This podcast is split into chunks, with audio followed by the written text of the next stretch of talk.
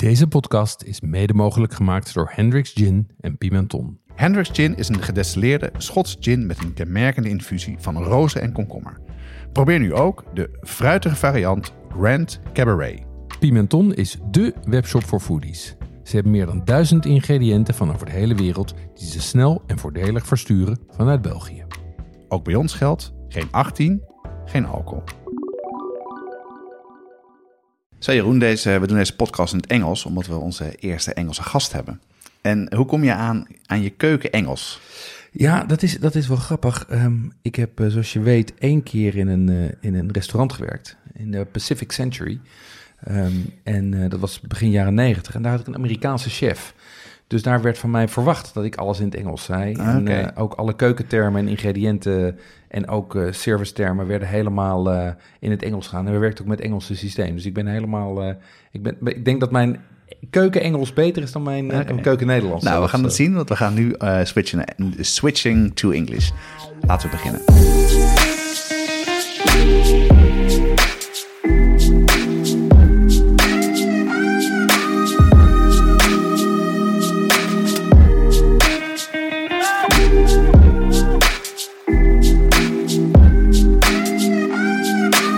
Watschaf de podcast gaat over lekker eten en drinken, zelf koken en buiten de deur eten. Het is voor iedereen, van het beginnende tot de ervaren thuiskok. Alle recepten en tips uit de podcast staan in de show notes op watschapdepodcast.com. Op Instagram, Facebook en Twitter delen we doorlopend wat we koken en eten. The topic of this podcast is advanced sushi. Um, if you would like to learn the topic for our next podcast, you should sign up for the newsletter on our website, watschapdepodcast.com.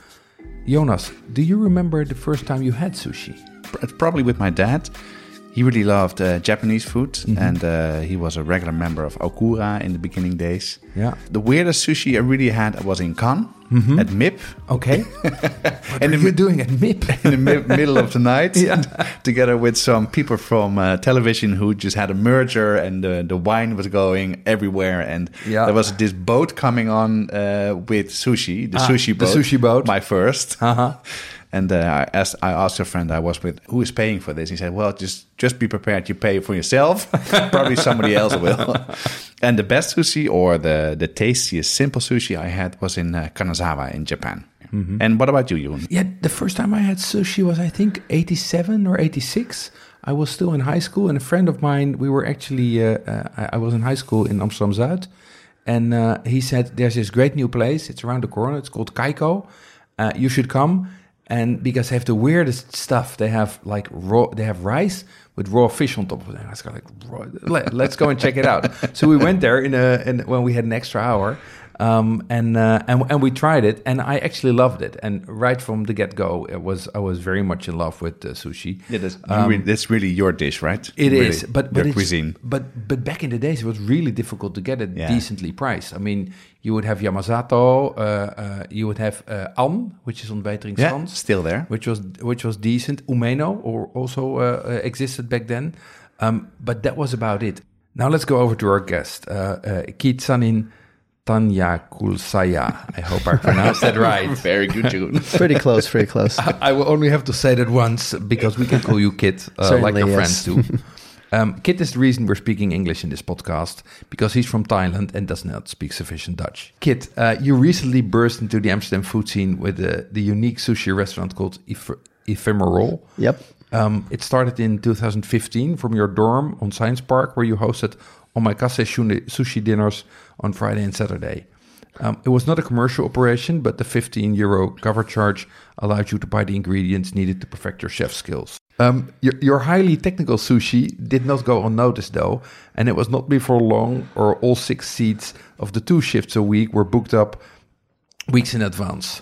Then the chefs from Hotel de Dylan approached you to set up shop in a hidden room in the hotel and continued your omakase style dinners. The cover charge also jumped to 145, but still reservations are quite hard to come by.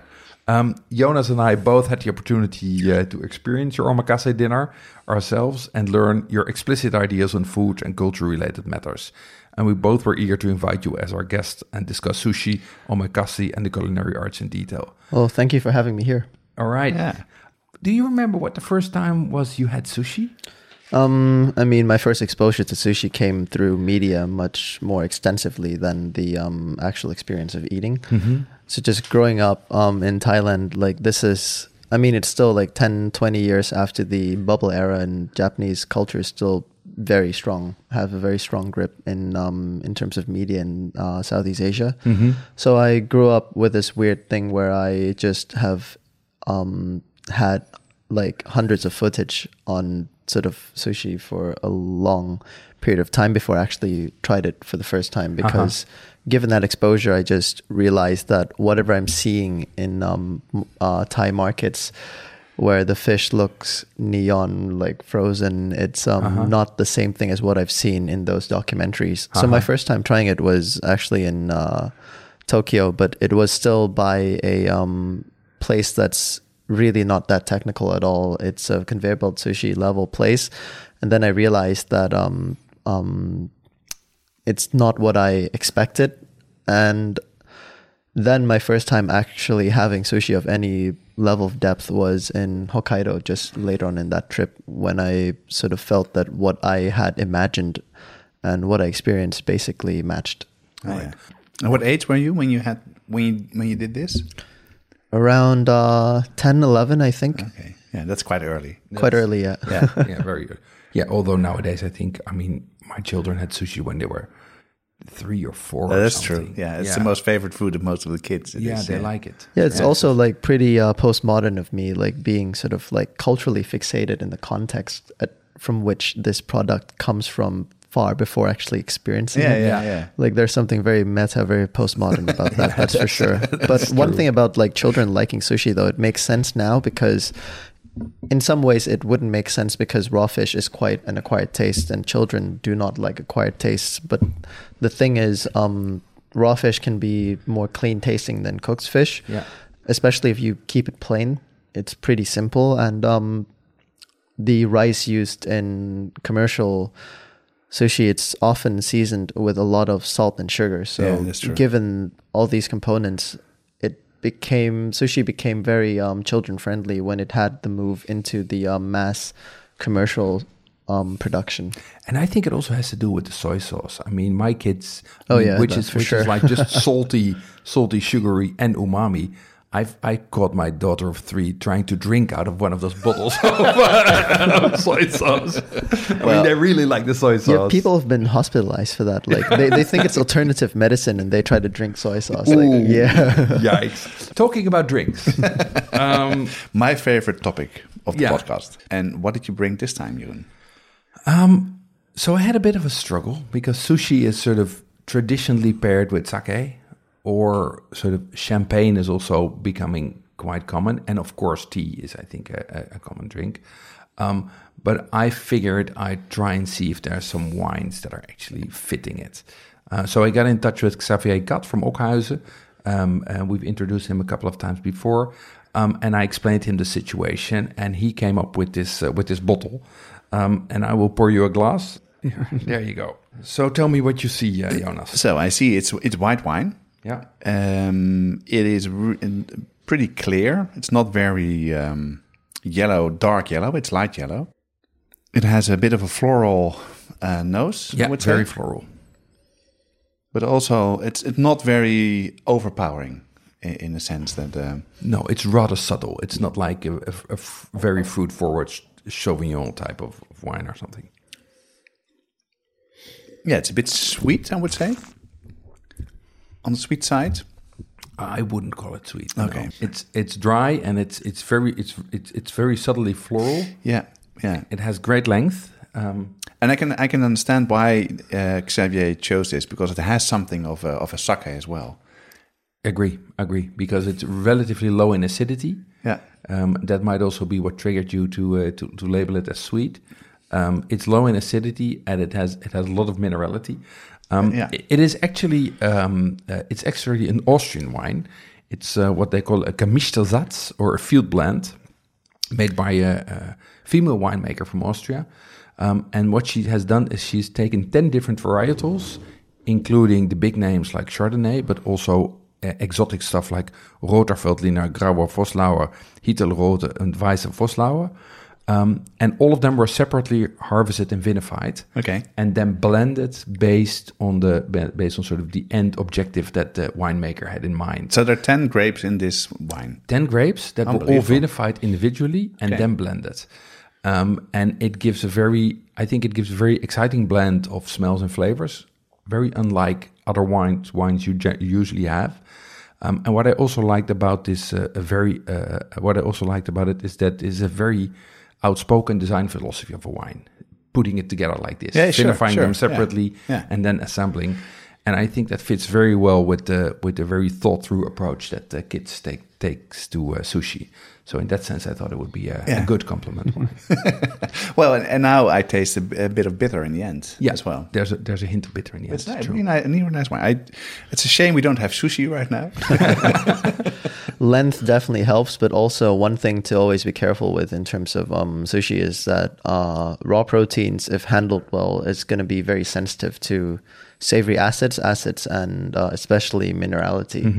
So um, the thing with um, harder, softer mineralities, uh, it's just something to um, think about in terms of chefs, um, sushi chefs um, selecting the drinks for the menu. But pairing is not really done on a piece to piece basis because I mean there's twenty something Exactly. courses which change from a service to service, sort of like uh, Yeah. at level frequency. So yeah, But but I think, and we we've discussed it before. I'm not that big of a fan of of sort of very extensive wine pairings either. I think if the food is already changing a lot and has a very uh, uh, extensive experience, if you then also start to change the wines every course, it just becomes, at least for me, it becomes sensory overload. Yeah, it's too I've- much, yeah. I've had some wine pairings that had like 13 different wines. Yeah. I can't take it anymore. I could need, imagine and it's Yeah. also at the end of the day it's not um it's two different mediums and and it Agreed. can sort of um it can pair to a certain level but um trying to sort of be maximal with both mediums at the same time can be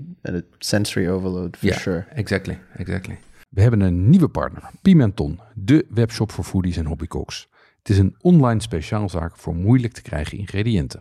Van ingrediënten zoals eh, carnaroli-rijst tot gochujang, ze hebben het allemaal. Het is een Belgische club en opgericht door een foodie. Ze bezorgen in de hele Benelux voor 3,95 en ga naar pimenton.be om te bestellen. Eh, voor de leden van die brigade eh, is er 12% korting. De actuele kortingscode vind je in de nieuwsbrief. Um, so so let's go let's go uh, uh, over to you, Kit. Um, you were born in Hua Hin in Thailand, right? oh well sort of a neighboring, uh, Neighboring. province but Yeah. basically i grew up in hua hin Which is a which is a beach beach resort. It is a beach town, and Uh-huh. it's also where the royal palace is. The Uh-huh. other royal palace is. The other, okay. And then the question co- becomes to mind: How does a guy that grows up in a Thai uh, a beach town end up in Amsterdam?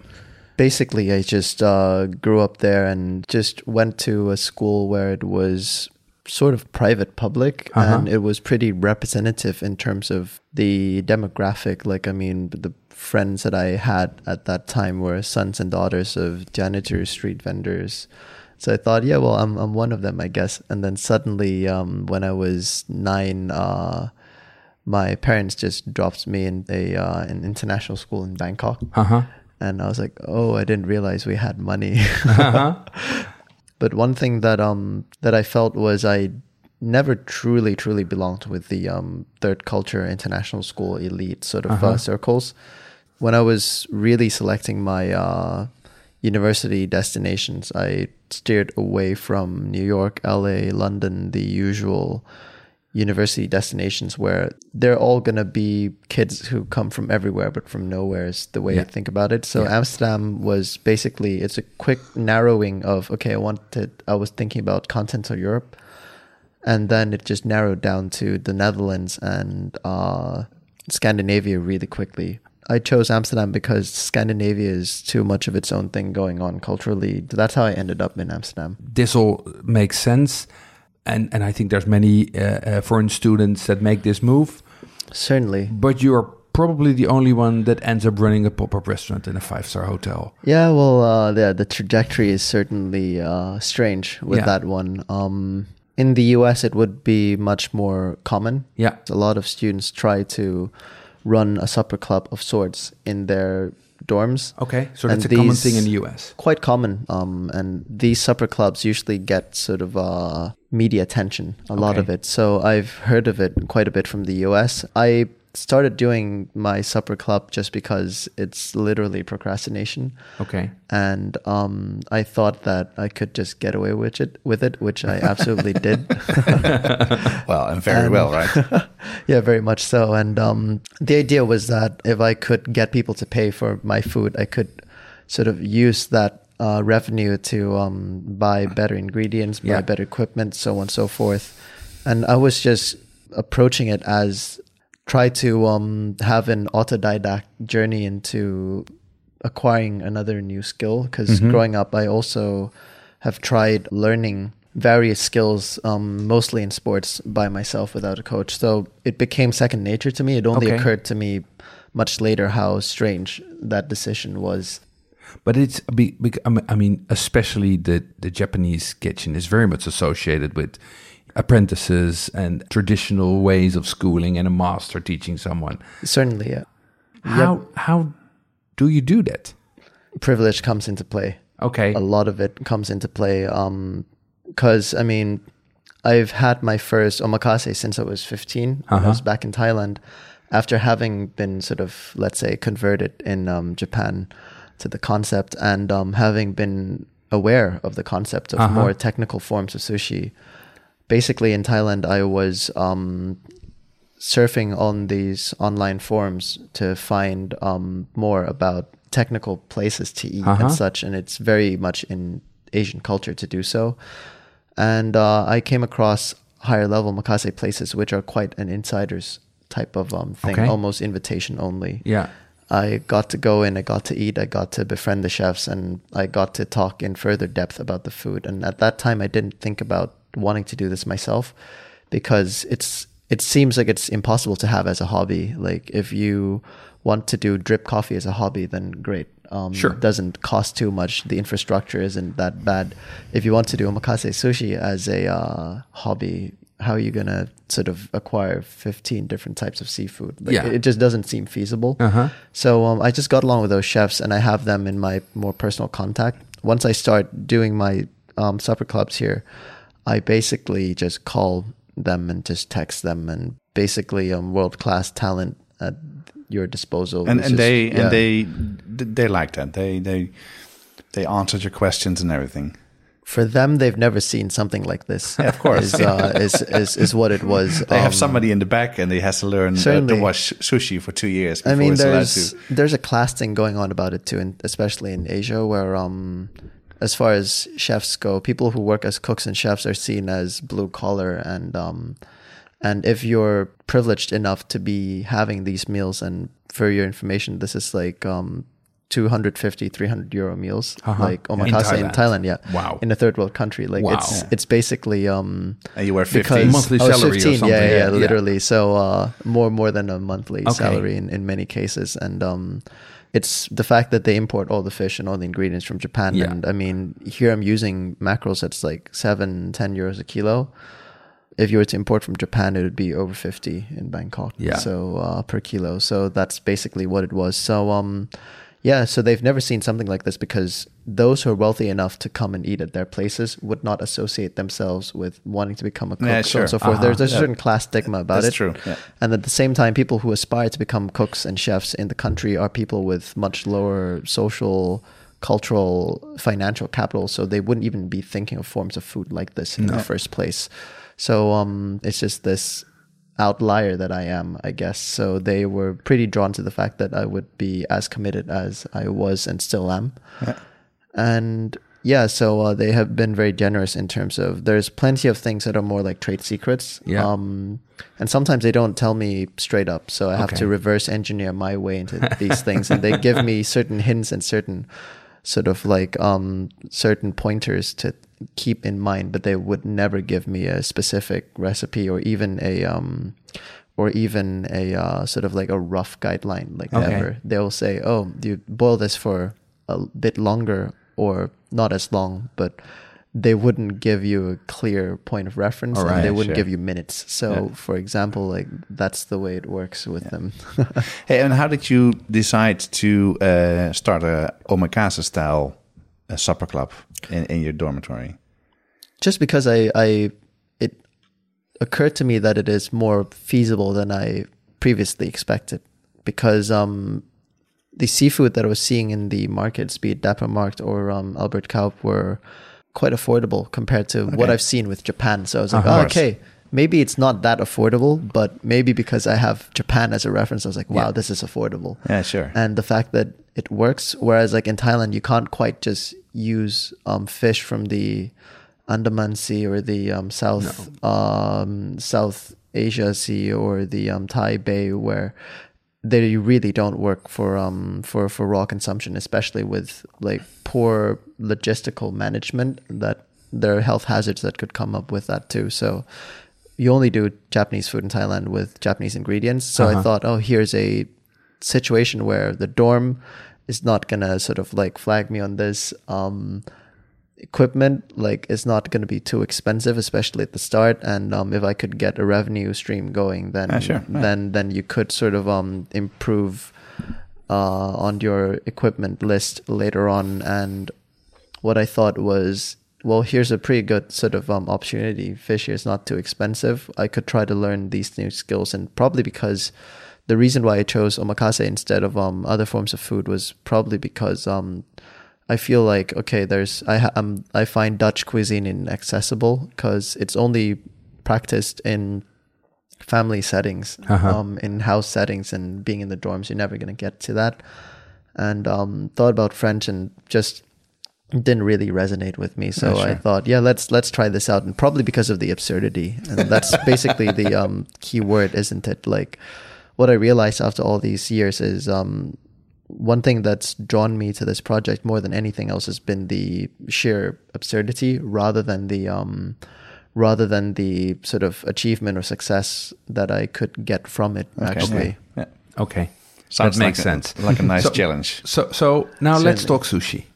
Um, what is sushi really? Well, the word sushi itself is like su is um vinegar.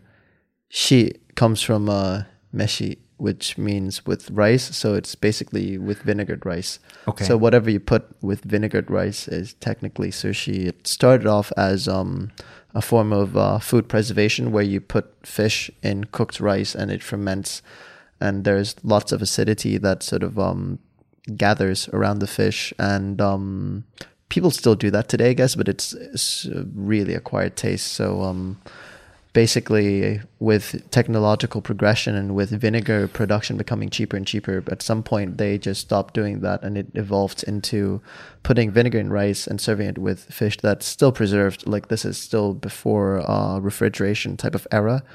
But nigiri sushi as we know it um, and the type of when i say i do old school sushi it refers to techniques that sort of reference um, the edo period about two three hundred years ago. So Okay. Saying that sushi is ancient food is is very um, misleading in, in Okay. many ways. And um, apart from that, as far as sushi is concerned, you've got um, other condiments that are essential to the craft, be it nori, be it uh, wasabi, be it um, soys and other seasonings, salts, sake, um, mirin. So the concept is fairly easy, but to get it to a high level of quality is not trivial. What do you Oh, yeah, need? definitely. What do you need for perfect sushi? basically what you want is depth and complexity and um there's a few um criterias when you're separating commercial level sushi to more advanced more sort of um comprehensive levels of sushi there's design there's ingredients and there's uh execution Uh huh. All right. So design. Design is not something that we typically associate with food. I mean, we think about design in in in clothing, in in buildings, but not uh, specifically with food. What do you mean with design? um Is it not just would- a recipe? Not really, no. Um, it would be. Um, this is where if um, the listeners are used to uh, wines or specialty coffee, like you'd really understand what we're going with this. Where there's no perfect coffee, there's no perfect wine. There's various designs of it. Um, There's things that are more acidic, less acidic, floral, less floral, um, body, clarity of flavor. Mm-hmm. There's there's plenty of criteria, and sushi works in a similar way. So um, with design, there's different criteria and different schools of thought. Some schools might prefer um, more acidic rice. They want no sugar in the rice. Some those are the more old school types. The more new school types would sort of uh, go for rice that's less um, acidic. They might add sweeteners to it, and um, it's all to do with design. Because with the old school, they might prefer things that are more acidic, acquired tastes that are more difficult to eat. There's a clearer separation between fish and rice. Like Uh-huh. fish and rice are like A and B. You basically have an equation where it's A plus B equals AB plus X, X being the expression of raw seafood that comes because it because raw seafood is sensitive to uh, acids, savory acids, minerality. Okay. Um, whereas with the new school, they want the ingredients to um, maybe dissolve into each other even more. Um, so when I say design, that's that's what it comes down to: how you play around with the depth of the medium itself. There's um, because it's not as simple as making good tasting rice and then putting on good tasting fish. Is is what I'm going on about. Okay, so so design is very much about sort of the concept behind the what you want to achieve, your vision. Certainly. Um, next, you mentioned ingredients. Uh, let's talk a bit about the seafood. I mean, this is, as you already indicated, this is highly location specific. I mean, getting Yep. something in Bangkok is is different than what you're getting here. Certainly. How do you here over here source your seafood, and and what are you mostly using? What are you what are you excited about? sourcing here can get really difficult because um, sushi is not something that exists around the world. Like if you think about fried foods, if you think about different types of breads and such, like these are things that exist around the globe, and so there's the market infrastructure to support it. Yeah. Whereas raw seafood's only a real thing in in Japan, um, and so they have comprehensive research and development and logistics and and everything to support that. Whereas here you don't have any of that, so I have to work with a lot of limitations, and so I have to um, import my ingredients from all over Europe mainly. And with that importation, like you can never be sure to like it's not like Japan where you could go pick up the ingredients yourself at a central sort of a centralized logistical point like a Tsukiji or a Toyosu market. Here you have to hope that you communicate with the suppliers clearly enough and then you Yeah. get what you want but there's no guarantee. And and that's where improvisation comes in. Like let's say the fish that comes in is a lot bigger than what you'd expected. Uh-huh. the muscularity the acidity in the meat is completely different. Well now you're going to have to um address that. So sourcing becomes a game of just finding the best ingredients possible and then trying to make it work within the menu some way somehow is is what it is. I, I import from all over Europe, not just the local North Sea. That's the way it works.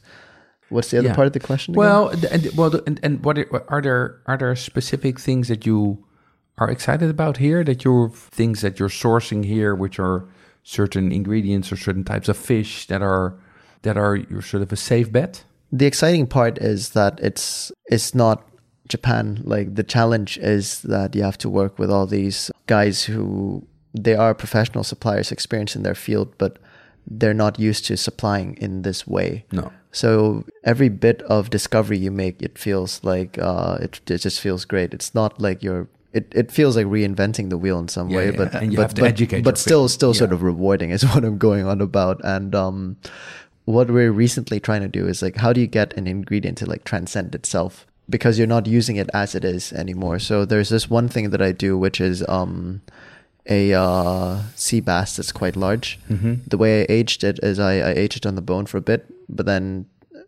we fillet it, skin it, and treat it in salt, throw it in sake, and trim off the outside. And for chemical reasons, I can't really explicate and sort of give you um, a good sort of explanation for right now. The inside of the meat completely um, transforms and becomes Okay. something extremely sensitive.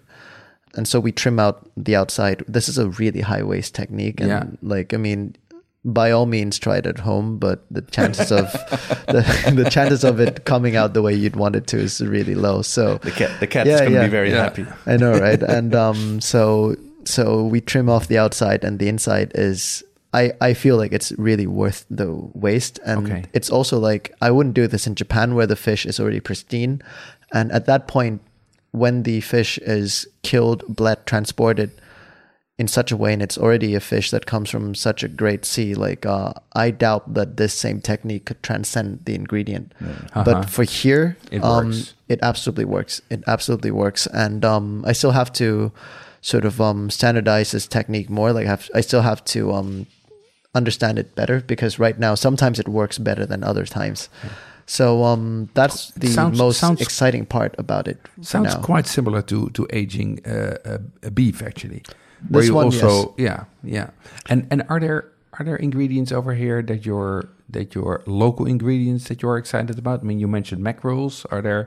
Mackerels are good, um, and at the moment it's the winter, and usually, as far as the local North Sea goes, winter is the season to be. Um, right now, um, the squids are getting really good. Uh, I think it's one of the best product from the sea as far as the um, local Dutch North Sea is concerned. I think it's quite far ahead. Um, you mean squid? squids, not Yeah. cuttlefish. Yeah, yeah. An important distinction to be made. Some people group squids, cuttlefish, and octopus all at once. Yeah. So not uh, not so in this case. And um, yeah, it's um, one of the most complex proteins out there. All right. So so we have the seafood. What what do you need? Which which key ingredients do you need to get elsewhere? In terms of um, sushi, right? Yeah, for your sushi. Something that's extremely in- important that people don't think about. Of course, most people don't know rice here. Mm-hmm. I mean, even people who have been to Japan from here, they wouldn't know the difference between sasanishiki, koshihikari, akitakomachi, and these are the most common types of rice. Uh-huh. As far as like if you talk about rice in Japan, these are extremely common types of rice. Okay. And even the most um, even chefs who are really into Japanese food are not exactly familiar with this here. So um, it's very important. What's also extremely important that people don't pay attention to is the vinegars Okay. because basically vinegar isn't just a store of acid it's also a store of uh, savory acids the sort of components that you that you think of when you think of umami. So by controlling the seasoning in the rice you're controlling how the expression of the seafood will be because you're literally chewing fish with rice that's uh, filled with savory acids acids and minerality. So salts is very important. Um, hard soft hard soft salts sea salt lake salt river salt they all matter. They all matter. yep and um, vinegars rice this is usually things that are these are ha- these are sort of things that you adjust when you want to adjust the expression of the raw protein that comes with it Right, And, and you buy those in in Europe or you import them from from Japan? uh, all of them are impo- imported from japan Okay. obviously because Europe produces great vinegars too, but none of the vinegars they produce are with this design in Okay. in, in mind. So yeah. So, so there's not a store in in, in Holland or in Amsterdam where you go to to buy them. Um there's this place in Paris called uh Nishikidori. I mean, we could give a link somehow, sure. I guess. yeah, Yeah, yeah. Put it on the so um yeah. yeah, it's uh, artisanal products from Japan. Not all of them will be great. Like um some will be better than others. I would say that if you go to these condiment stores in Japan or in anywhere, try to steer away from like here's a type of use uh here's a type of let's say miso. And then they'll have that miso be flavored in 20 different ways with 20 different ingredients. The flavored flavored versions just steer away from that. Just go for the sort of um, more plain versions of whatever you're going for, be it vinegars, misos, Okay. salts, and such. So that's one place that you could get it from. But um, yeah, it's all by suppliers and they import it all from Japan. Okay. All of this that, that you're giving is, is there's an entire world of sushi, right? Yeah, definitely. um, and that we are that especially when I started eating it in '87 was fully unaware of. Now we not only like to eat, but we also like to cook. If we want to up our sushi game, how should we go about? Certainly. Um, it's also not common knowledge even for the Japanese. This is something that's very much an insider's sort of uh, craft. Yeah, even for the consumers. Okay. So um, things like coffee and wine are a bit more widespread. Even a more casual person could talk about floral sort of notes, certain sort of aromatic notes. But with sushi, it becomes quite um, quite an insider's thing. Partly because it's not as universal as wine and coffee.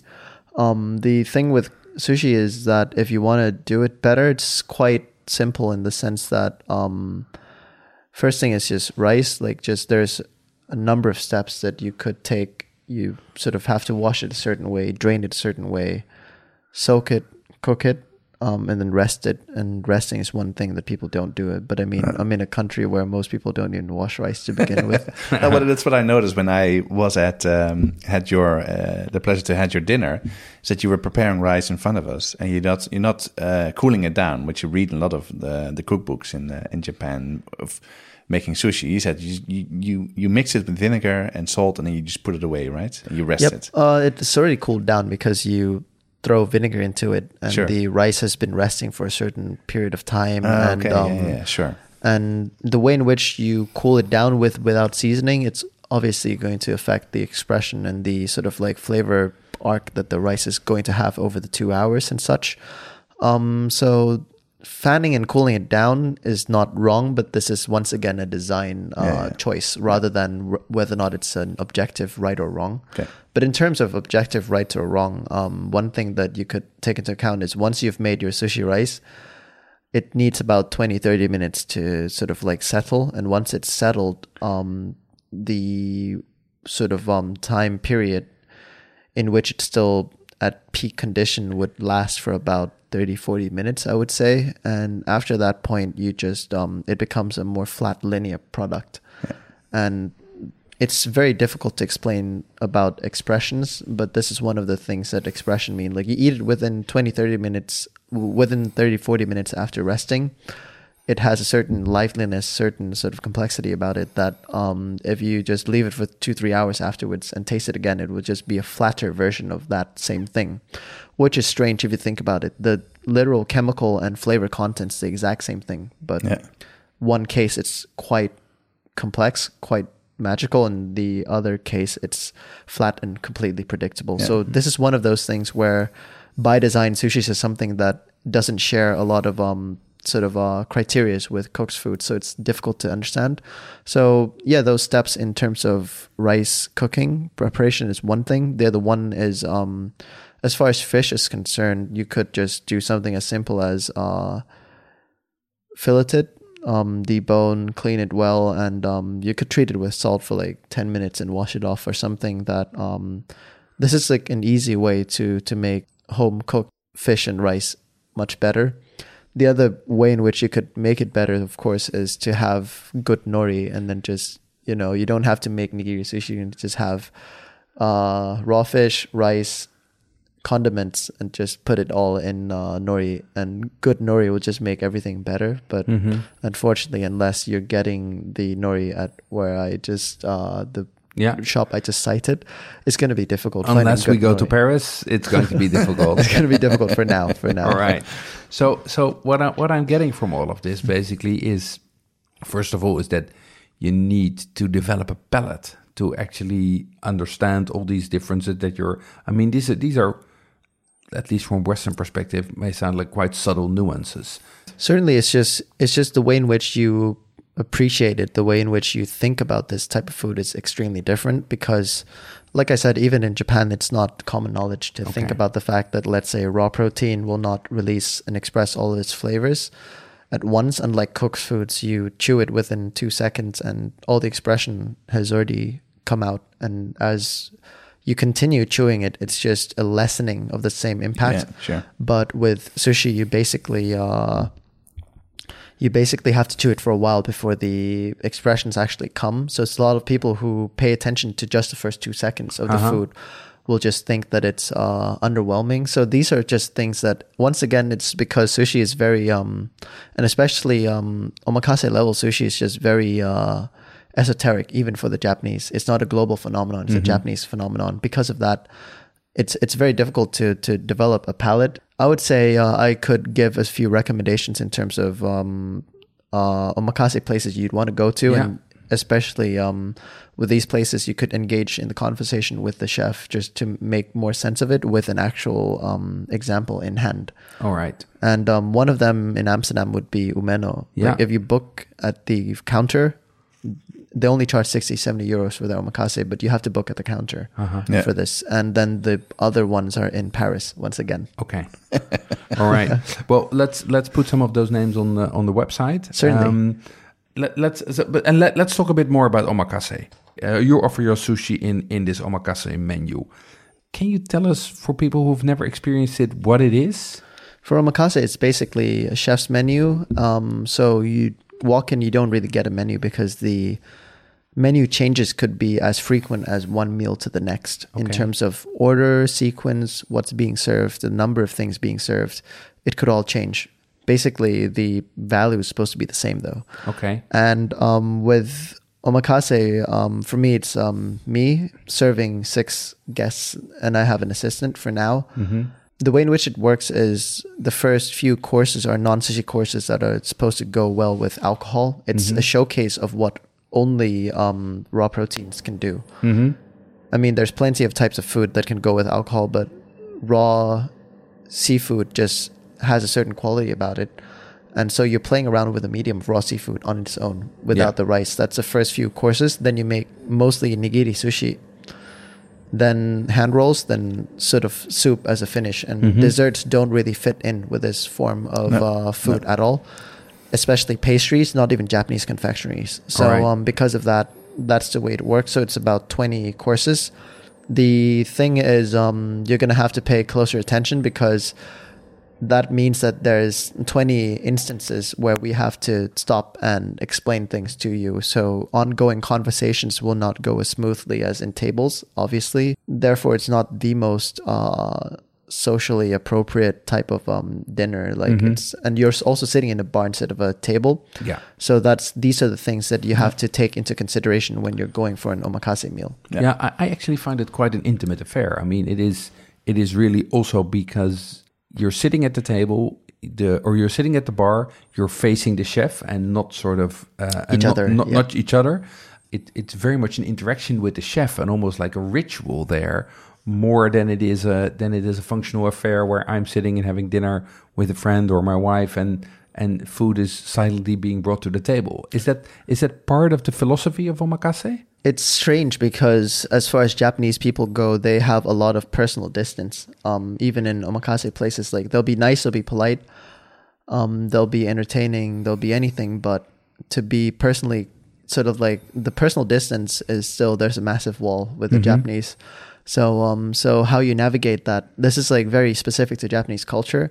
The way in which it is with me is like I usually do away with all formalities and sort of um the personal distance that comes with it. Like I never call any of my chefs, uh, any of my guests, sir, madam, or anything. And I usually be, I try to be as casual and as personal as possible. I try to reduce the um, personal distance because Uh-huh. it also, it also makes things more relatable, and you don't get caught up with the mythology of, of sushi and of, of Japanese culture and of oh how refined it is or how much of a high culture it is and it allows people to pay attention to what's actually going on. Yeah, that's, that's actually exactly my experience. Is that it's a very um, relaxed affair, and uh, what I liked about it is that you really take a lot of time to uh, to taste small bites Yeah. and concentrate on the food.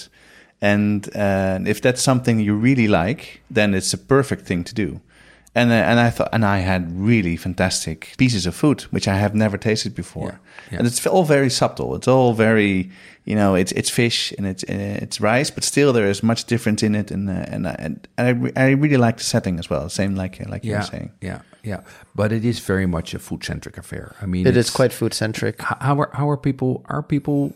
Do people understand and appreciate this? Um, it's hard because if you're not from the Japanese culture, it's hard to to do that, even in Asia. Um, so it is either a food centric affair, and uh, in Japan it's often the case, or it's a chef centric affair where they come for you, and Yeah, this yeah. is mostly regular customers, and they come again and again, and they want to see your changes, want to see how you, they'd want to see how you uh, interpret a certain season, for example, in Japan, yeah. where everybody's using um, for the past month, everybody's been using uh, the snow crab. Mm-hmm. So they want to know, okay, how's my favorite chef? His taste that I identify with most. How would how would he um, how would he interpret this ingredient Yeah. in the way that I usually like, or something? That's that's um, and also they come for conversations with you a lot of the times. Uh, in Japan and in, in Asia, here in the here in Europe, people go for dinners as sort of like a um a private thing for just among them be it sort of like mostly people come in couples or in families or something. It's usually a self-contained affair whereas with omakase like if that's what you're looking for you're not going to get what you're looking for is is basically what it is. So, so it is very much about accommodating the the navigating the the social conventions, but also maintaining true to your style. Um, now, Certainly. Now you told me that you're you have plans uh, for your own restaurant. yep Um, this would be the the perfect opportunity to create a stage where you can sort of take your own angle at omakase and also these social conventions, etc. Certainly. Can you tell us a bit about it? So um, it's going to be quite different um, to the Japanese. The Japanese usually are quite rigid. Like there's a church-like feel to their uh, to their sushi places, almost temple-like in some ways. And um, for me, it's uh, I'm gonna be wearing non-uniform. That's first of all. Um, soft materials, like you're gonna sit on almost like a sofa material. Um, and uh, the bar itself, in, instead of being unfinished Japanese wood, it's probably gonna be like. Uh, quite a slick looking material that looks sort of like concrete but warm to the touch. It's made from recycled paper.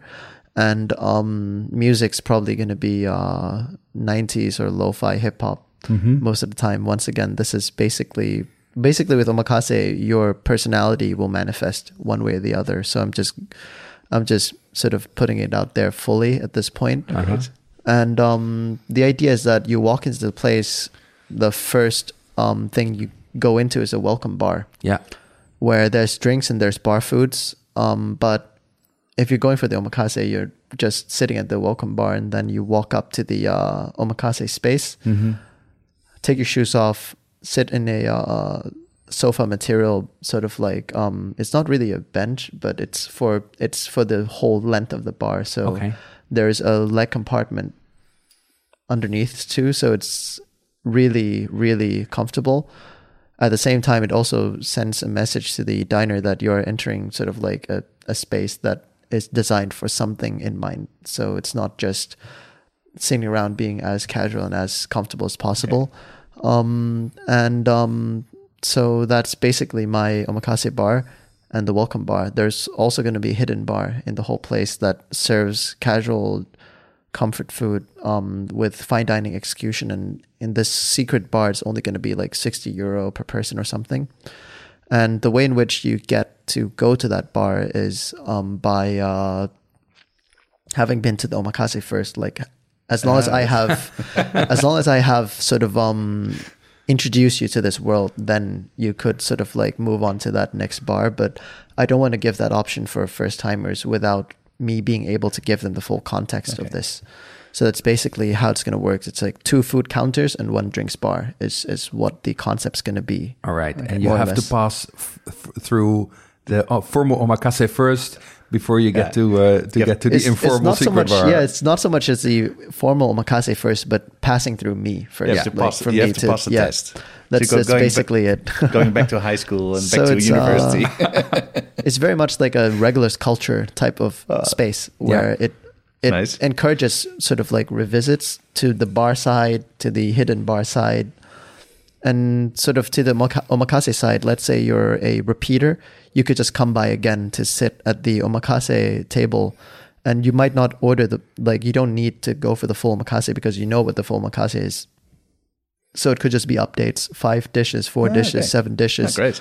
And I mean, obviously that's a much more affordable, sustainable way to go. Yeah. But also, um, I don't like how uh, I just don't like how sometimes fine dining is a one shot story. And if you like that one shot story, you have to watch it all over again. Yeah. yeah. And it's it's the same thing over and over again. I, I'd I'd rather uh, omakase is just a bit more um, interesting to to have revisits. I think rather than nice. a formal experience that feels very much like a standardized thing. So this that's just the other part of it. And as far as when um, construction is probably going to start late April. Okay. So probably July August is when it will open, and um, the location is going to be between um, at, as far as now, if it is approved, if the f- concept is feasible, it's going to be between uh, Volkshotel and uh, and Church of Scientology. saying, saying saying that with a straight So- face right now, like just just Two imagine different designs. very much so, and Yeah. um, name will be uh, undercover. Undercover. oh, great. Yep. Yeah. The the Church of Omakase. No church in the With wild. a touch of Amsterdam and Thailand. Well, Kit, thank you, thank you very much. Thank you for so your much. Time. Thank you so much. Um, also for all the in-depth explanations about uh, about sushi. And I would encourage everybody who's listening and who uh, likes uh, sushi and likes fine dining to uh, check out uh, your new restaurant in summer. And uh, thank you very much. Yeah, I mean it was really great. Uh, uh, thanks for for sharing all your uh, your Oh, information. also one of the other insights thing I was going to say was Yeah. that the uh, the current project in the Dylan it's still going on for one more month in March. Okay. April, Okay. uh, no, February we're not here. January is already full, so I could sort of like give a link somewhere. Maybe Yeah, sure.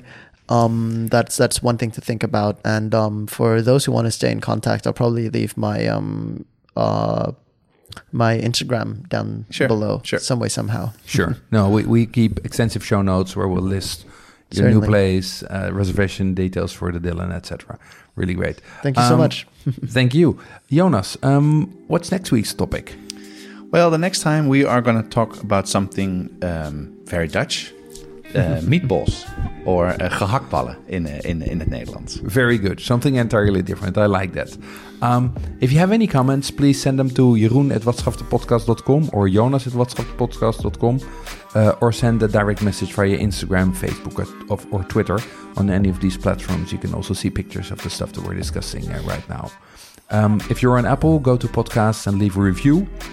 We like that and it helps others find this podcast. And remember to sign up for our newsletter. It's on our website, and we will notify you when the new podcast goes live, and we'll send you all the recipes that are on our website.